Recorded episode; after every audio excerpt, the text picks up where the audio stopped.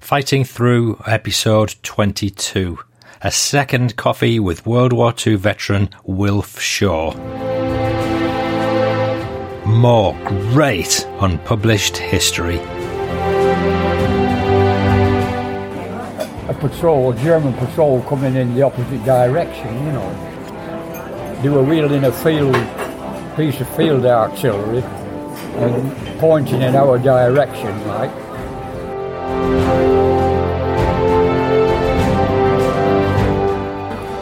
The sand, the fine sand used to stick to them. And I remember looking round at the blokes and they were just like graven images, you know. Uh,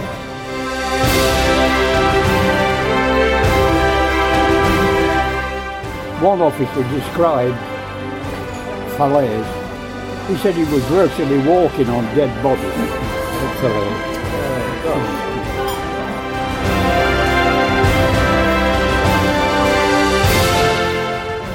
Our bed were the horses' stables. I'll tell, tell you what my mate said. He said, I can just imagine this horse.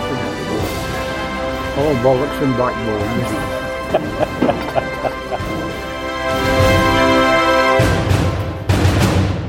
Hello again. I'm Paul Cheall, son of Bill Cheall, whose World War II memoirs have been published by Pen and Sword in Fighting Through from Dunkirk to Hamburg. The aim of these podcasts is to give you the stories behind the story. You'll hear memoirs and memories of veterans connected to Dad's war in some way, and much more. You've just been listening to a few previews from this episode in which I'm bringing you another meeting with World War II veteran Wilf Shaw, together with a special guest. More details in a minute. I first met Wilf in episode 4 of the show, so if you haven't listened to that yet, it might be worth doing so first. Today I'm starting up a new occasional feature in the show. It's called the My Relative Was in the War and They Once Told Me dot dot dot feature. It's inspired by Teresa Stroker, who wrote in recently with a short story about her dad. Um, she said, My dad was Corporal Stewart in the Green Howards. I've been reading your dad's book, and there was a photo of my dad on your website. I knew he was a corporal, but I didn't know his nickname was Blackie. Dad died in 1987 and he never spoke about the war.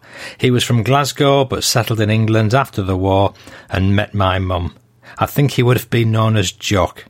I remember when I was young, a man knocked at the door. He'd been looking for Dad to thank him. As this man had been injured in the war, and Dad had thrown him onto a lorry so that he would get to safety. Isn't that a nice little side story coming out of Dad's book? The photo that Teresa's referring to is one of Wilf's, and I've put the pair of them in touch so Wilf can tell her a few things. I've put the pic in the show notes. It's located at Kassassin Camp in Egypt, which my dad described as that bugbear of all British troops newly arrived in the Middle East. It was alleged if you hadn't already got Gippy Tummy, this was the place you could expect it. I've put another pic of Wilf's in the show notes of the camp's cooks. The food was all their fault. Um, that's it for the uh, My Relative Was in the War and They Said That dot dot dot feature.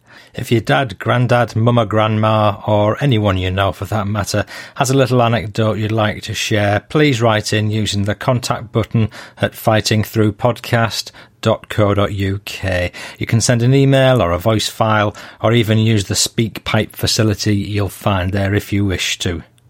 It's feedback time. Um, I got a note here from Kevin K in the USA, and Kevin says uh, via iTunes, "This is my fourth time listening through, and every time is better than the first. This is a great series, giving the real, amazing perspective, and I hope the episodes never stop coming. Great job."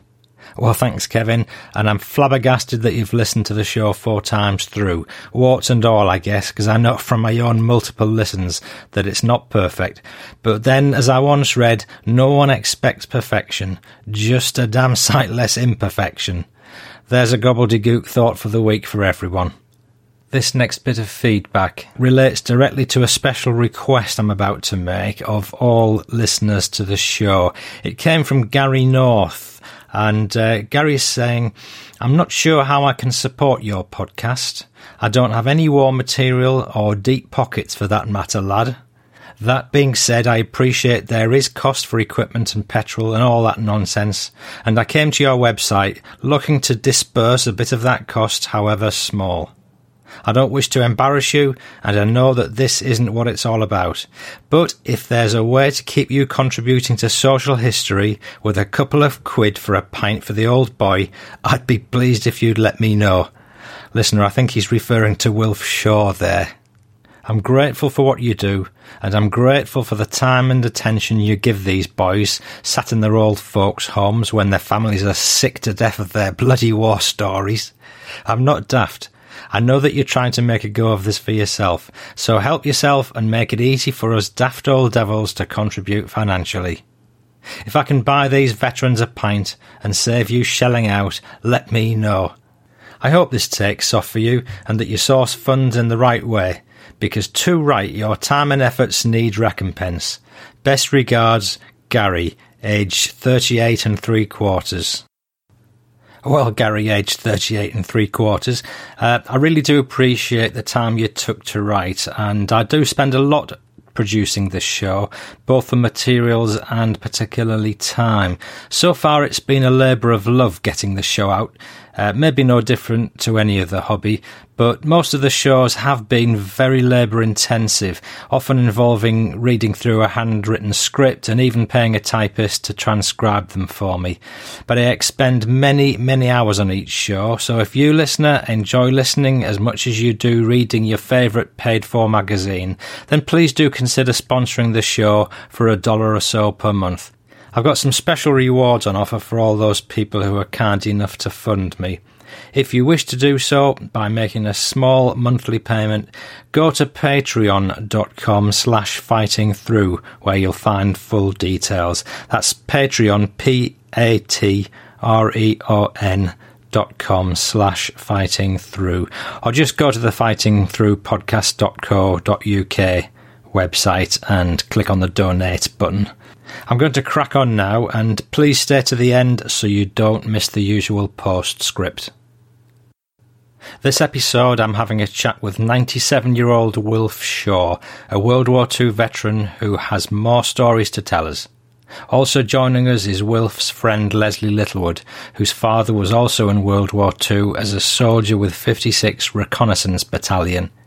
He was Ernest Illingworth, and 56 Recce, as it was called, was part of the 78th Division, commonly known as the Battle Axe Division. He drove a Bren carrier, and he fought from November 1942 with Operation Torch in North Africa, Sicily, and up all through Italy to 1946. So Leslie's as interested in Wilf and the war as I am, so we're both hoping to have an interesting chat. Wilf is 97 years of age in 2017 and still trespassing, as he puts it himself. And he's a resident of Oldham in Manchester, England. He joined the British Army in 1940, just after Dunkirk, joining 6th Battalion, the Green Howards, as part of 50th Infantry Division. He fought pretty much throughout the whole war in many campaigns, including fighting for Monty's 8th Army in Alamein, Wadi Akarit in Tunisia, Sicily, and of course Normandy. He was wounded twice and still returned to battle. What makes Wilf's memories very special for me are the parallels with my own dad's war. They served in the same battalion and fought in most of the same battles. I hope you enjoy. I've got a surprise for you today. I told you I'd have a surprise for you today. Oh, didn't have I? Yes. Well, Paul has. Well, I was gonna. I've got a couple of surprises. This is one just to show you something. Does that bring back any memories? What is it? Oh, obviously not then. but it's my dad's old army mirror. Oh, Listener, if you're just wondering about that uh, mirror, it's a, it's a metal chrome plated mirror, not a, a glass one. So that does, does explain why it's next to Dad's heart. He used to keep that next to his heart yeah. throughout, throughout the war, yeah. Oh. Got no bullet holes in it, isn't it? No, it doesn't, no. Never got used in action. Thought, Ah. did you not have one of those then? No, I never had one. I'll tell you what we did have. They give us a wristwatch. Did they? I think I might have told you before. They give us a wristwatch, um, service wristwatch. It was the one, one thing you had to hang on to uh, if you were ever taken prisoner. Because you could you could sort out your uh, uh, your location with with the wristwatch. You point the hour hand at the sun, right. and uh, you divide the hour hand between twelve o'clock and the hour hand is due south. You know. Right. Oh, okay. You never got captured though, did you? No, I didn't get captured. No, no. But it says when when um, to waterproof it. Told me last time. They used to put a Durex over the top of it. No, So that's- used to put a condom uh, over the top of it. Oh, I- I was just going to it. tell him that, Sorry, yeah. I thought you finished that story. I uh, thought, ju- It's just another prior idea. to invading Sicily, the issue was with condoms, you know, Yeah. to put a wristwatch in, you know. But, Just but for pre- dishwatch for no else. previous to them telling us what they were for, we, we, we had other ideas about them. you Now you did, didn't you? I remember uh, reading a story. There's a book, I think it's Ray Morgan, wrote a book on Stan Hollis, the VC winner. And uh, there's a story about Hollis that when they were handing out condoms just before D-Day, going over on the landing craft or whatever, I think I think they were meant to be to put over your end of your gun and stuff. But Hollis said, uh, I'll, I'll soften the language a bit, but he said, oh, we're going to shag the Germans, I'll shoot them. Yeah. well, lad didn't get a chance, did he really? Actually, Leger are doing um, a tour what's taking more in of Stan Hollis's movement next year.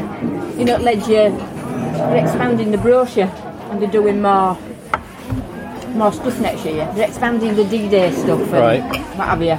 I've never, do you know, I've never been on a war, on a battleground Oh, thing. that one I went on, the Italy one. Paul Reed's fantastic. Um, He's absolutely, you know. When you, 'cause You've never seen see- any of the uh, cemeteries abroad? oh yeah. But you can't see, you know, the ground. There's no to see anymore, No, but and he it's hard tells you. to, he, you know, you can sort of envisage it when it's there. Probably a bit more at Cassino because as you go up to Cavendish Road and up there, you can see you still go in the path, and there's a there's the old Sherman tank up there and that, so you can actually see This, was was this Sicily, did you say, or Italy? Italy. Italy. Up round sort of Mon- Right. Monte Cassino and you know, and then went to Anzio and Salerno and I, I don't know anything about what your dad did. my dad were in Battle Axe Division, 78. Right. So we're in um, 8th, 8th Army, one to 8th Army. Yeah, 78, Africa. it was in 78, Dave, wasn't it? Yeah.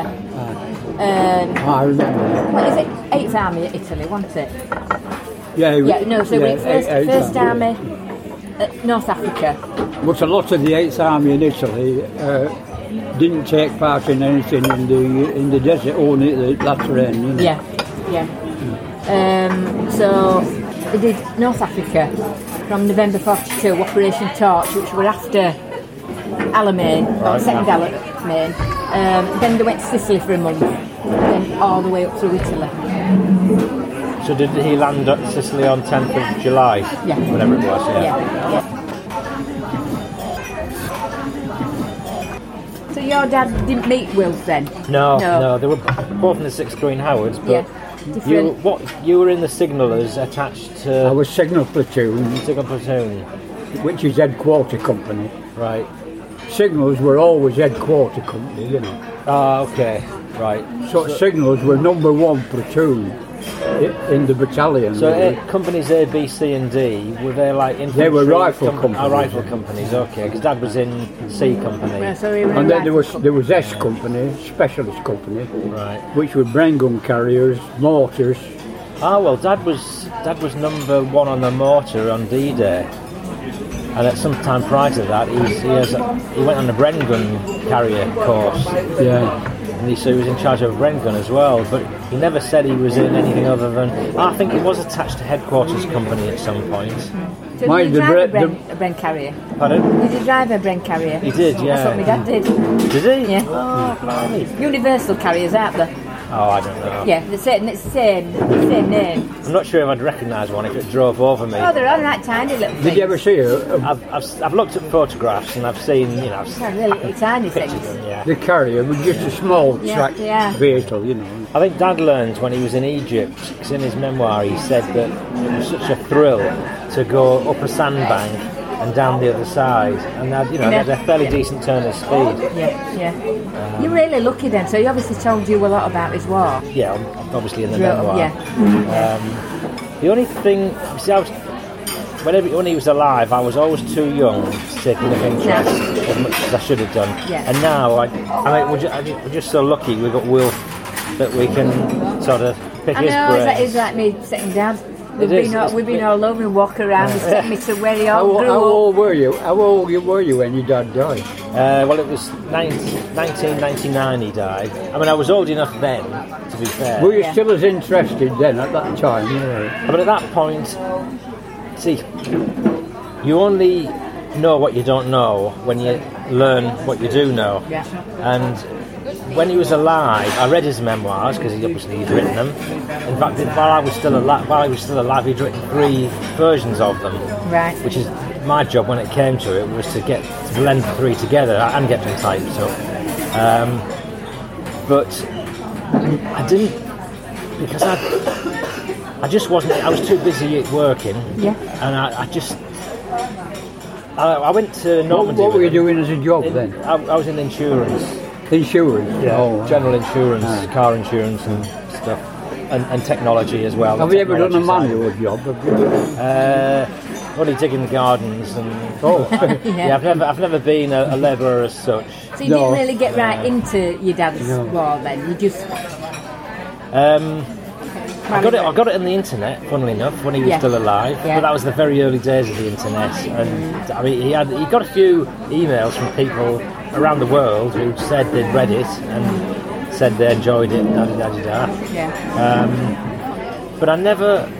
I mean, we went, we went to Normandy in 1994 for the 50th Together? anniversary together. Yeah, Right. with, with my brother-in-law as well. I was on that that. was I was on the 50th anniversary. Were you? Yeah, Ah. You weren't that bloke with, with the umbrella, were you? no. I'll tell you, it was a, it was a nice uh, time on the 50th anniversary. Everybody was so, Yeah. at- atmosphere was Did he get quite emotional there then when he went? He did, unbelievably, yeah. Right. Yeah. Yeah. It's funny, be, well, no, it wasn't funny, but we went to the, uh, did you go to the ceremony at Bayeux uh, the Queen attended? No. if you remember. But there was a great big ceremony at Bayeux with all the dignitaries arriving. And I got some good photographs of that, and then they had the service and you know prayers, etc. And uh, just before it finished, I could see that they'd lined up a load of professional camera people at one area, obviously to take photographs of the dignitaries. So as it was ending, and the dignitaries, which was the, first and foremost the Queen, was walking over to this area, I ran over there too. And there was this reserved patch of lawn where no one should stand because that was like the that was the reserved area that in front of all the photographers. There were photographers, grass, Queen, Yeah. and, and cheeky devil that I was. I only had an ordinary camera. I went and stood in front of all the cameramen Did you? and on Yeah. this piece of grass, I've got this perfect picture of the Queen surrounded by Prince Philip and President Mitterrand and some other dignitary. And it was a brilliant photograph. Yeah. And but all the cameramen were shouting at me to get, tell me to get out of the way. So I, I, you know, took my shot and then disappeared. Listener, if you're curious about this photograph I'm referring to with the Queen on, um, I'm posting it in the show notes in all its full colour glory.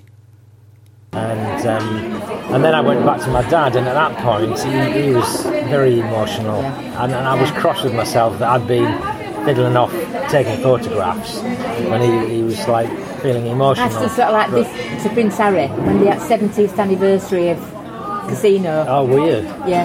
And uh, co- all, all Italian kids were all screaming and shouting at Prince Harry. But yeah, kept saying that. It was the 50th I went out. 50th anniversary I 50th. Yeah. Yeah, this, this was the 50th. Yeah. And I went on um, my dad had been on the 40th, but for some reason I couldn't go. Um, but he went with my sister and brother-in-law, so and my mum went as well at the time. So uh, he wasn't without company. But yeah, just over those years, I wish I'd. Funnily enough, I did actually start transcribing it and merging the three, but I just got too busy with life, and I, and I, I had to drop it. I missed out on uh, I missed out on my main ambition.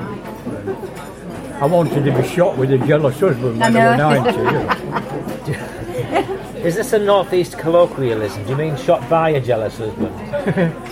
Shot When by was a jealous yeah. husband, yeah, Yeah. that's what he wanted. Ah, okay. you don't want to be shot with one, do you? People get the wrong idea. There's this guy, Doug Gray. He talks about. Um, he uses a lot of slang in his diary, and at one point they were in the in the Normandy area, and he says uh, a shufty a shufty kite went up and got tickled by a spandau, but they missed every time. And I, and I spent like two weeks thinking, what the heck is a shufty kite? What do you think it might be? Do you know? shufty I, I know what it is now. I worked this out. What's the spandau? Is that a bullet or something? Spandau's a machine. gun. Automatic. Oh, yeah, I don't know. automatic weapon. So, I thought I've held a Bren gun and that's it. Sorry. They were, they were so fast, Spandau, it was just like a piece of tearing calico. The, All right. the problem they had with them, firing at that rate, was the heating of the barrel. And it, it gave them problems. Uh, Wasn't it a mounted one then? You know where it's one of them automatic ones where they go around, or I is think it? it was mounted. Yeah, well, it was mounted, wasn't it? A Spandau. Spandau, uh, it was a bit like our Bren gun, really. Great. So what is it? A shufty, shufty Shufty kite? kite. Shufty kite. K-I-T. Did you ever hear, did you ever hear about a Nebelwerfer? The a 12 barrel mortar. and when that went, when that fired, it was the most frightening bloody sound you've ever heard in your life. Is that the? Nebelwerfer. Are there those Nebelwerfer. Moaning Minnie. Moaning Minnie, yeah, that's Right. right. It was Moaning Minnie, wasn't it?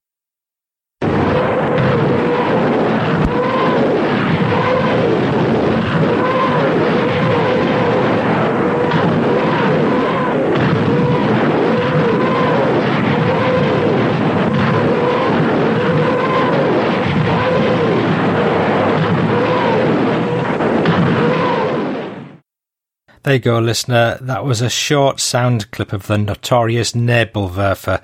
Uh, thanks for bringing it up, Wilf. What a very scary racket. If you uh, want to see a Nebelwerfer in action, uh, just take a look on YouTube. I've put one or two links in the show notes at fightingthroughpodcast.co.uk. You're listening to the Fighting Through podcast, episode 22, A Second Coffee with Wilf Shaw. Ladies, at Essentia Health, you're not just a patient, you're a partner in your healthcare journey. We'll get to the heart of your health questions, even the ones you're embarrassed to ask. We'll find solutions to fit your unique needs and lifestyle because here, we're in it together. Feel confident in your care and in yourself. Schedule a women's health appointment with an Essentia Health provider today. Click the banner to learn more. Back to Leslie. So what's a shifty kite then? All right. If you if you were going to go to the shops and you thought it might be a bit busy, you might say to somebody, "I'll have a quick shifty and see what's going on." Yeah, yeah, Right. yeah. So a shufty, as you know, a shifty is a like a sneaky look, Quick look, a quick yeah. look. Yeah. Well, a kite was often a term slang for an aeroplane. So what do you think the shifty kite was? It's a reconnaissance aircraft. All right. Shift, oh, of course. Yeah. Yeah. Quite obvious now you said it. I know it's. I don't know what suddenly Shufty made kite. it click that I realised what it was. But um, yeah, it has to be, hasn't it? Just, Ala- Alakufik, did you ever hear that? um, no. what's that? Alakufik. Yeah. I'm, I'm easy, I'm anyway. I'm Alakufik. Yeah. All right. Yeah. That sounds like another Egyptian. Arabic. uh, Arabic. Arabic. Bardin, did you ever hear that? Bardin. Bardin. Bardin. Bard. No. No, in a short while. Oh, I'll be with you, Bardin. Right. in a Never heard of that one. So when did your dad die? Up When he was 65, did you say? Yeah, 88. Yeah. Did he get any wounds in the war or captured or anything? Nothing. Nothing. He never said never said anything. Well, I never asked because I mean, we were only 34 when he died, so Yeah. you know. I mean, there were odd things when I look back. He might have said, just mentioned, Yeah. uh, but no specific. No. And I can't think about what comes to mind, but now and again I think, oh, my dad said that, and then I should have twigged. and it was only because I was doing my genealogy. I thought, I've sent for his service records when I, I don't know how I found that. So I opened them up and just sat and cried. Oh. Because, you know, you know, I didn't know when he joined, I didn't know what he'd done in war. But now you do. Now and, and you then- wish you'd asked him. Oh yeah. Well, he, well, whether he'd said oh, because I know he never went back. I don't know whatever happened to his medals.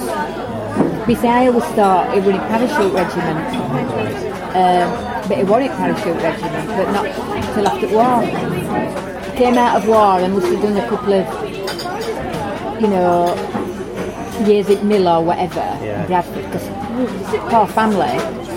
And then he joined parachute regiment at Thornbury Barracks and he was a driver there. And I thought, oh, and then when I found out my dad was a Bren driver, Yeah. because he never drove after, well, we never had a car, we couldn't afford a car.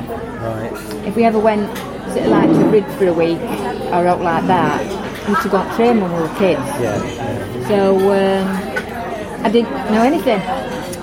So then when I got his records, he was six recce, and then I know what he'd done, and then I got war diaries and Stories he could have told you if you'd been able to. Yeah, just you know. So you do it to just I remember asking my dad. Uh, a few, a few memories I've got of talking to him about it. One was when I was a young kid, probably 10, 11 years old, I guess. He was in the loft and he got um, a bayonet out.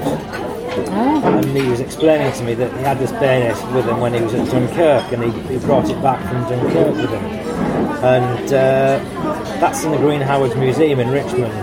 It's not on display now, it was for a while. yeah, And last time I was there, I actually saw it. They got it out for me and showed it to me, so that was nice. yeah. To my everlasting annoyance, I forgot to take a photograph of it. And I can't believe I didn't think.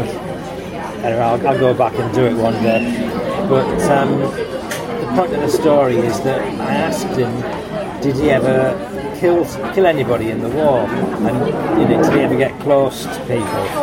And he, he said, well, no, not really. Some they were they were too probably did, but they were too far away for me to, to know. To know, yeah. But I know that's. That, think he was protecting me from the truth because I know there was one episode in his war when they were. It must have been Wadi Akarit, and they were they were sheltering behind a you know, piece of ground from some Italians, and his uh, and his lance corporal Coughlin stood up without having cover, and he and he got shot dead and dropped down next to next to my dad. And they were all so angry that their officer had been killed. They charged these Italians, and they were cowering in a trench, and shot them all. And but my dad explained that in his memoir by the fact that what they'd learned at Dunkirk was no no quarter given, and and because if it hadn't been the Italians that were going to be shot, they'd have shot They'd, uh, yeah. dad. So that you know. They probably did. But that particular incident, he must have been close enough to, to see the guy that he was shooting.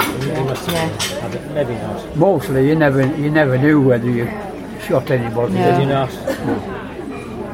Because you The, could. the worst mistake I made, uh, with my biggest regret, was losing the steel helmet with the with the bullet hole through the front. Oh, yeah. So, if I could have hung, hung on to that, I, I also had the bullet dropped on me, and I flung it away. Yeah. Yeah. Thinking back, I should have held onto it, you know. No, you got to show for that as a blister. It On wasn't the his of time to your go hand. though, were it? Pardon? And it wasn't his time to go. No. At the end of the day, you know, like Straight, straight in the middle it was there, you know, it- and you could push the metal back and drop on it. What a shame And you it lost it. Ah. 'Cause it, it dropped off a lorry onto the road. Didn't it? You lost it, uh, didn't you drop it off a lorry or something? Yeah, it, it dropped off the. I, we used to have them tied on the back of the pack, and it was bouncing about on the uh, three tonner.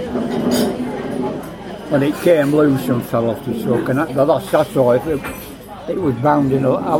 I always had- had the hope that somebody had picked it up, you know, and it would uh, eventually appear on, uh, you know, in the Imperial War Museum or something like that. Oh yes. Do you know, I bet it does exist somewhere. I could I could recognise it tomorrow if, if I were to see it in the museum. You'd, you'd know it I was should yours. say that, that that's the seal Yeah. helmet I was wearing. You know. Did it have your name on or out inside? Did you put your name on inside? Yes, it was on the chin strap. Right. Four seven five three eight five zero W Shaw. Somebody might have kept it and sold it all those years later on eBay or something like that. But the thing is, with Wolf, when he tells you stuff, he doesn't just tell you good stuff. He does actually mention the bad things as well. A couple of people I've spoken to, you know, they just sort of gloss over it, don't they? Whereas he's, he tells you, he tells it as it it is. like it was, yeah, yeah, yeah. Yeah. Well, Yeah. when I found his helmet, probably picked it up and looked at it and thought, well, whoever, whoever's it was, they must be dead. Yeah. Did did they ever show you the photograph of the German soldier? Uh, Don't think so. Is that, uh, Horn. is that in It, it was called Horn. H A U N. or something like that. Is it in your book? Is I've it in, still got it. I, th- I think it will be in one of those. Yeah. I'll, I'll look out for it. what, a dead one? A dead soldier? Yeah, he was, he, he, he was in Sicily and he was exactly the same as is in the photograph. Smart bloke, really, and just lay there on his. Not a mark on him. But Where did the photograph come from then? the photograph, it was lying on the ground outside of him. I think. Oh, I'm with you, okay. Yeah. Oh, So he was dead and Yeah. right. I, sent, I, I I found one, another one of an officer at, uh, when Carmichael buggered off and left me. Uh, Aye. there was a German officer. German officer lay there, and uh, the same thing. The- the- And I, s- I took the trouble of sending it back to his family, hmm. and they wrote a letter back in a very accusing tone, asking me was I the person who shot him. you. Would I go to the trouble of sending somebody a photograph?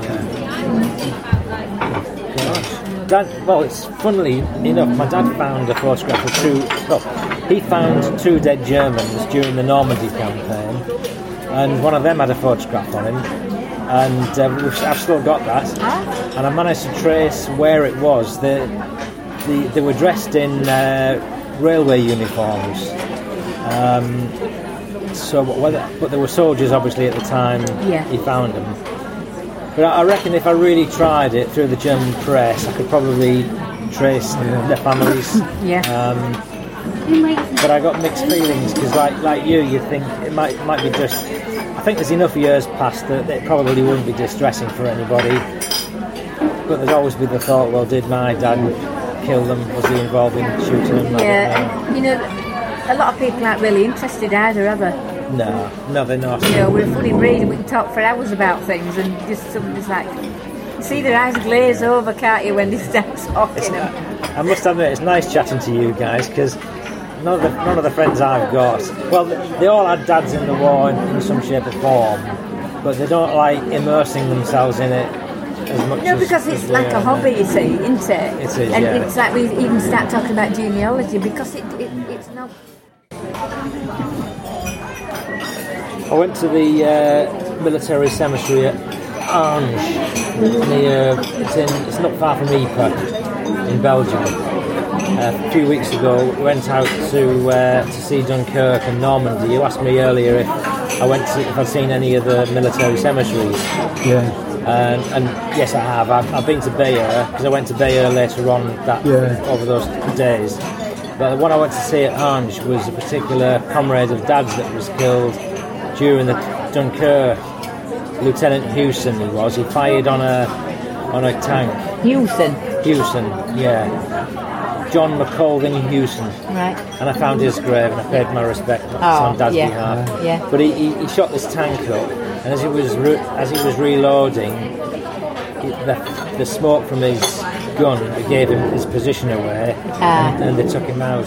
Right. Shot him. Oh, do you know when I went? To, well, I'd never been to any like.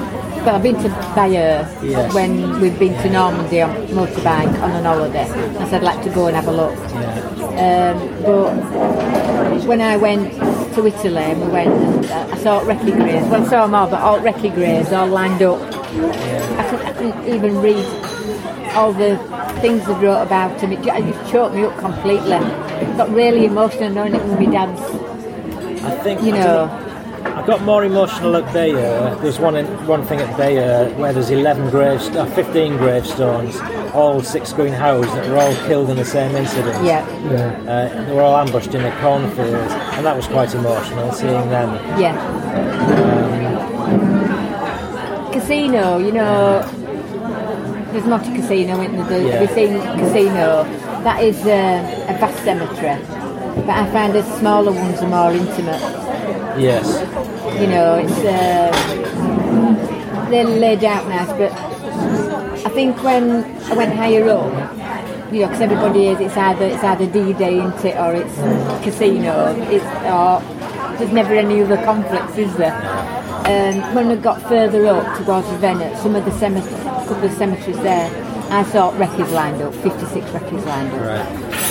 And you know you think we got through it worse there, but that must have been like one particular incident or something. And you ju- just Some of the most choked. impressive cemeteries up in Holland. Oh, they say that, yeah, yeah, We, we, we went uh, on a trip to Holland, you know. We were invited there and uh, we had we had the service on a Sunday morning, you know. Stood among all the gravestones and uh, a great, the usual very impressive cross they have, you know.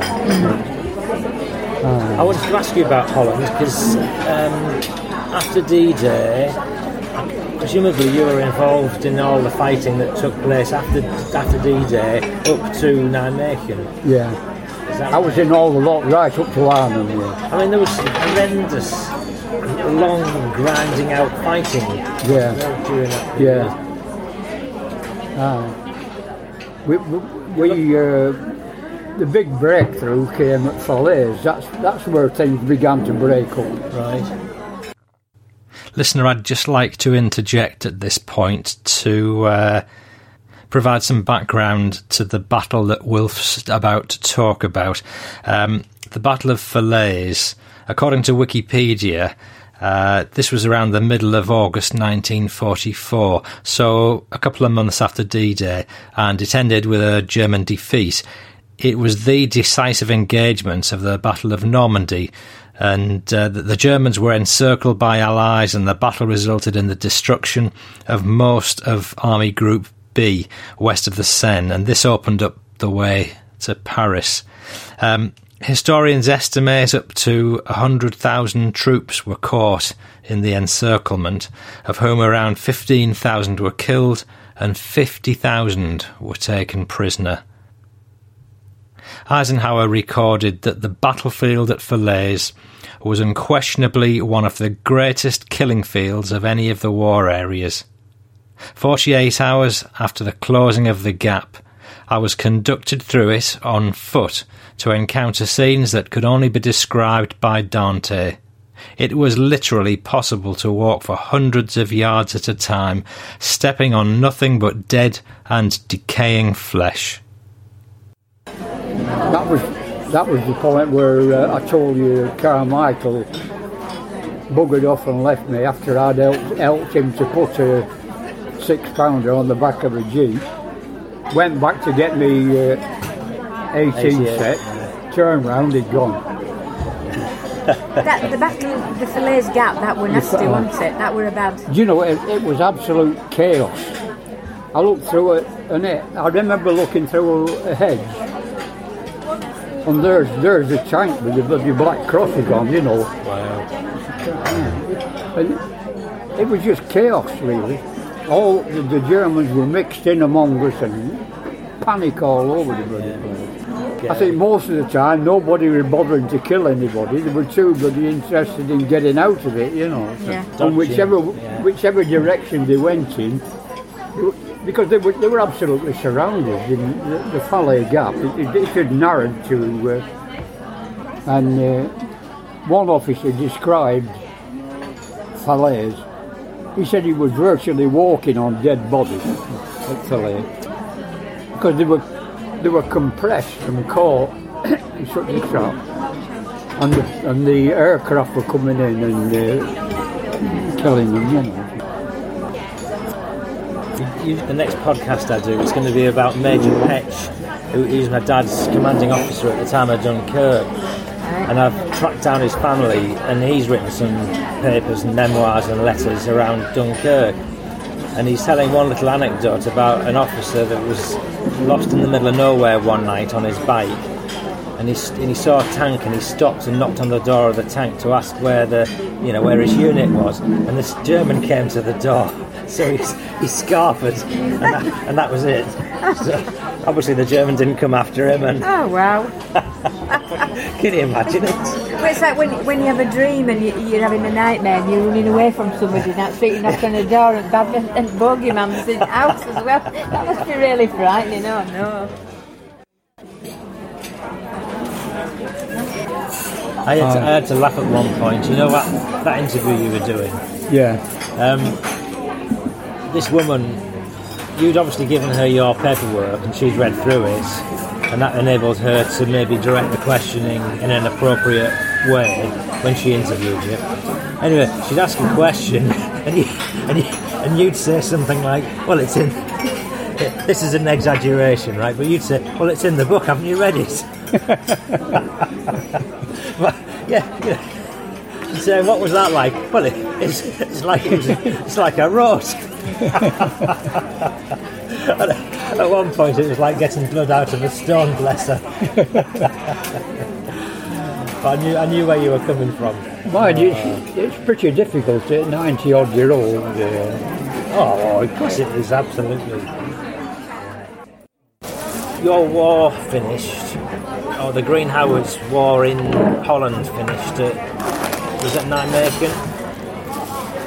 it was uh, just after Nijmegen, it was, uh, after we'd been over on the island at Arnhem. Right. It was it was Arnhem where they pulled us out. We were supposed to go in and relieve the uh, was it, was it the sixth airborne or first first airborne, one of them. Right. But they, they got a hell of a battering and uh, actually uh, they didn't think it was worth, worthwhile us going to try and relieve them, you know. Right. And they pulled us out, brought us back to Roeselare in Belgium, and we were divided into uh, uh, A, B, and C uh, sections. Fred Zilkin, my mate, was in A, which meant they, they were brought back to England and put on the, in the barracks at Richmond. But uh, the B group, which uh, I was part of, we were sent to Northern Ireland uh, to Warren Point, and I was there for a long time. And but eventually, uh, I finished up with Fred Zilkin back on the switchboard at Pickering, no, York, Ah, York. yes. Yeah. When you were told you were going back to England, what were you doing at that point? Were you just getting set for another day, another day's fighting, or Well, uh, we had a good idea what we were being brought back for, you know. okay. But that was the end of our war, really. Uh, Roeselare, where they broke us up. But uh, I finished up doing the extra. I had six months left. My ANS group, Agent Service Group, was 31, which was one too many, too many to stay in uh, doing. So they sent me to Cyprus for six months, and that's where I finished the war. Did you ever used to do um, patrol? Yeah, we used to go out on patrol. Uh, uh, no man's land was uh, 20, there was 20 miles of no man's land. Right. And the Germans used to send out patrols this way, and we, we were, when we were at Gazala. Right. Can you remember anything about it then? What, any little? Yeah, I, rem- I remember one occasion going out on patrol uh, in the three tonner, and uh, the desert sand was so fine, and the blokes obviously it was hot and sweating, Yeah. and uh, the sand, the fine sand used to stick to them.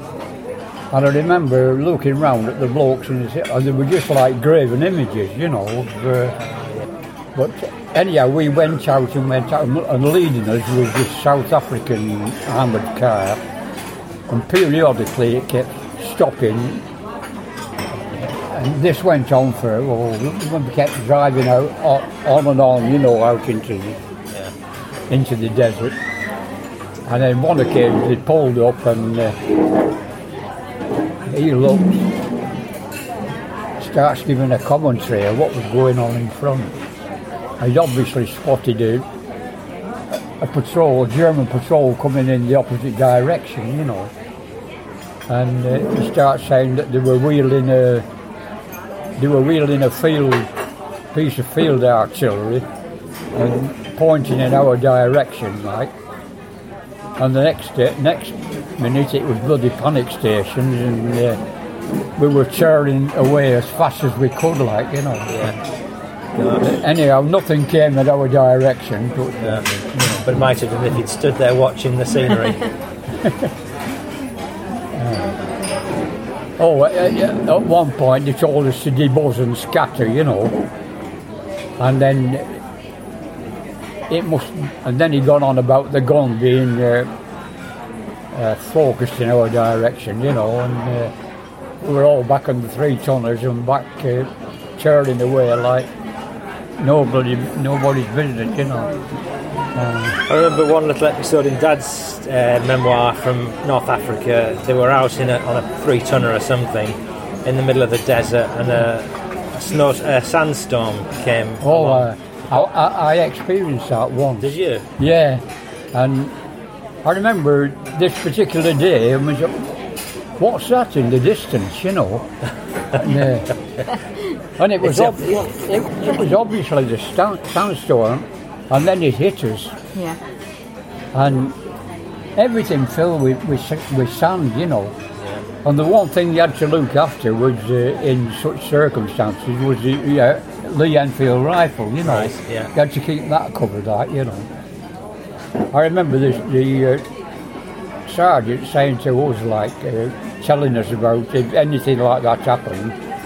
He said, treat your rifle better than you would treat your wife when you're married. He said, if it was a question of throwing your wife out of bed or the uh, Lee Enfield rifle, you threw your wife out. Keep You your- know.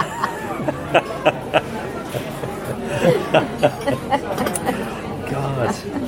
You, you had all kinds of anecdotes like that about uh, what to do under certain circumstances. But I always told him he's going to tell him yeah, because his eyes like open, you know, it's going to be a joke at end of it, you know. That was priceless, wasn't it? Oh, Did you, on this particular occasion, were you like in tents or in a lorry, or were you out in the open and, and you had the sandstorm? Oh, we, we, we were dug in, uh, Yeah, uh, just in the open. We weren't on a truck or anything, you know. Yeah. No, this was when, when we were dug in at Gazala, and uh, we had to. There was so much sand, we had to more or less uh, dig, throw it all out of the sea. It covered everything.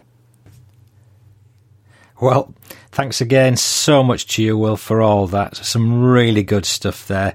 Wilf was 97 in February 2017. Long may you keep trespassing, my old chum. Thank you to Leslie too for your contribution and in particular for persistently bringing the conversation about the shufti kite back to the matter in hand and preventing Wilf and me from rambling off tack. If it wasn't for Leslie, I'm not sure you'd have ever found out what a shufti kite was. Listener, have you got any confounding war terms to tease us all with? Do write in and let me know if you'd like to share them with everyone else. Next episode. In episode 23, I'm looking forward to a third coffee with Wilf Shaw, and this is going to follow hot on the heels of this episode. Here's a short taster. Me and him were out repairing a line that had been uh, broken by shell fire, telephone line. Yeah. and uh, this uh, thundering sound coming coming towards us. And I told him to run like you know, you know. And they refused to, they refused They were to put on the board. they were put on the boat and Yeah. they thought they were going back to their own units. yeah. They weren't. Some refused to go on boat. They sent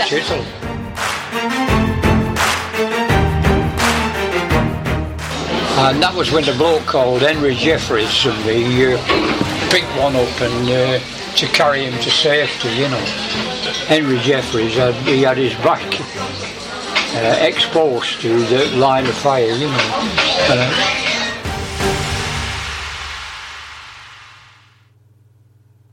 There you go. That's just some of the happenings you'll hear about in episode 23, A Third Coffee with Wilf.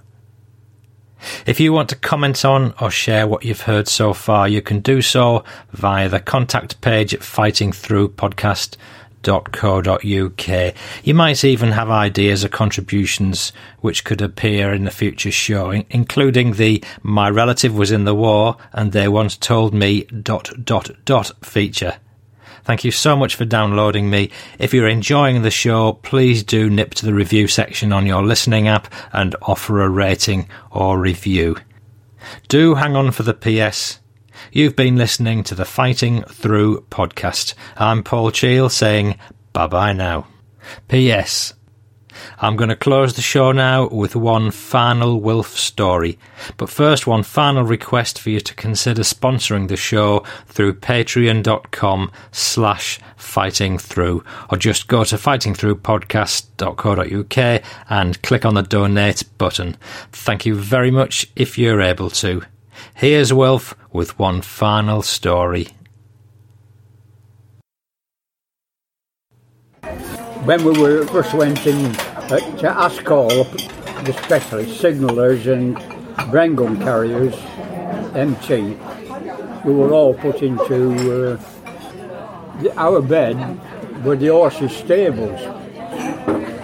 And uh, over the, the name over at the stable I was was Farmer.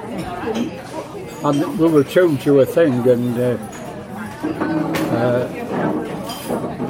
I'll tell, tell you what my mate said. He said, I can just imagine this horse and all bollocks and backbone, you know.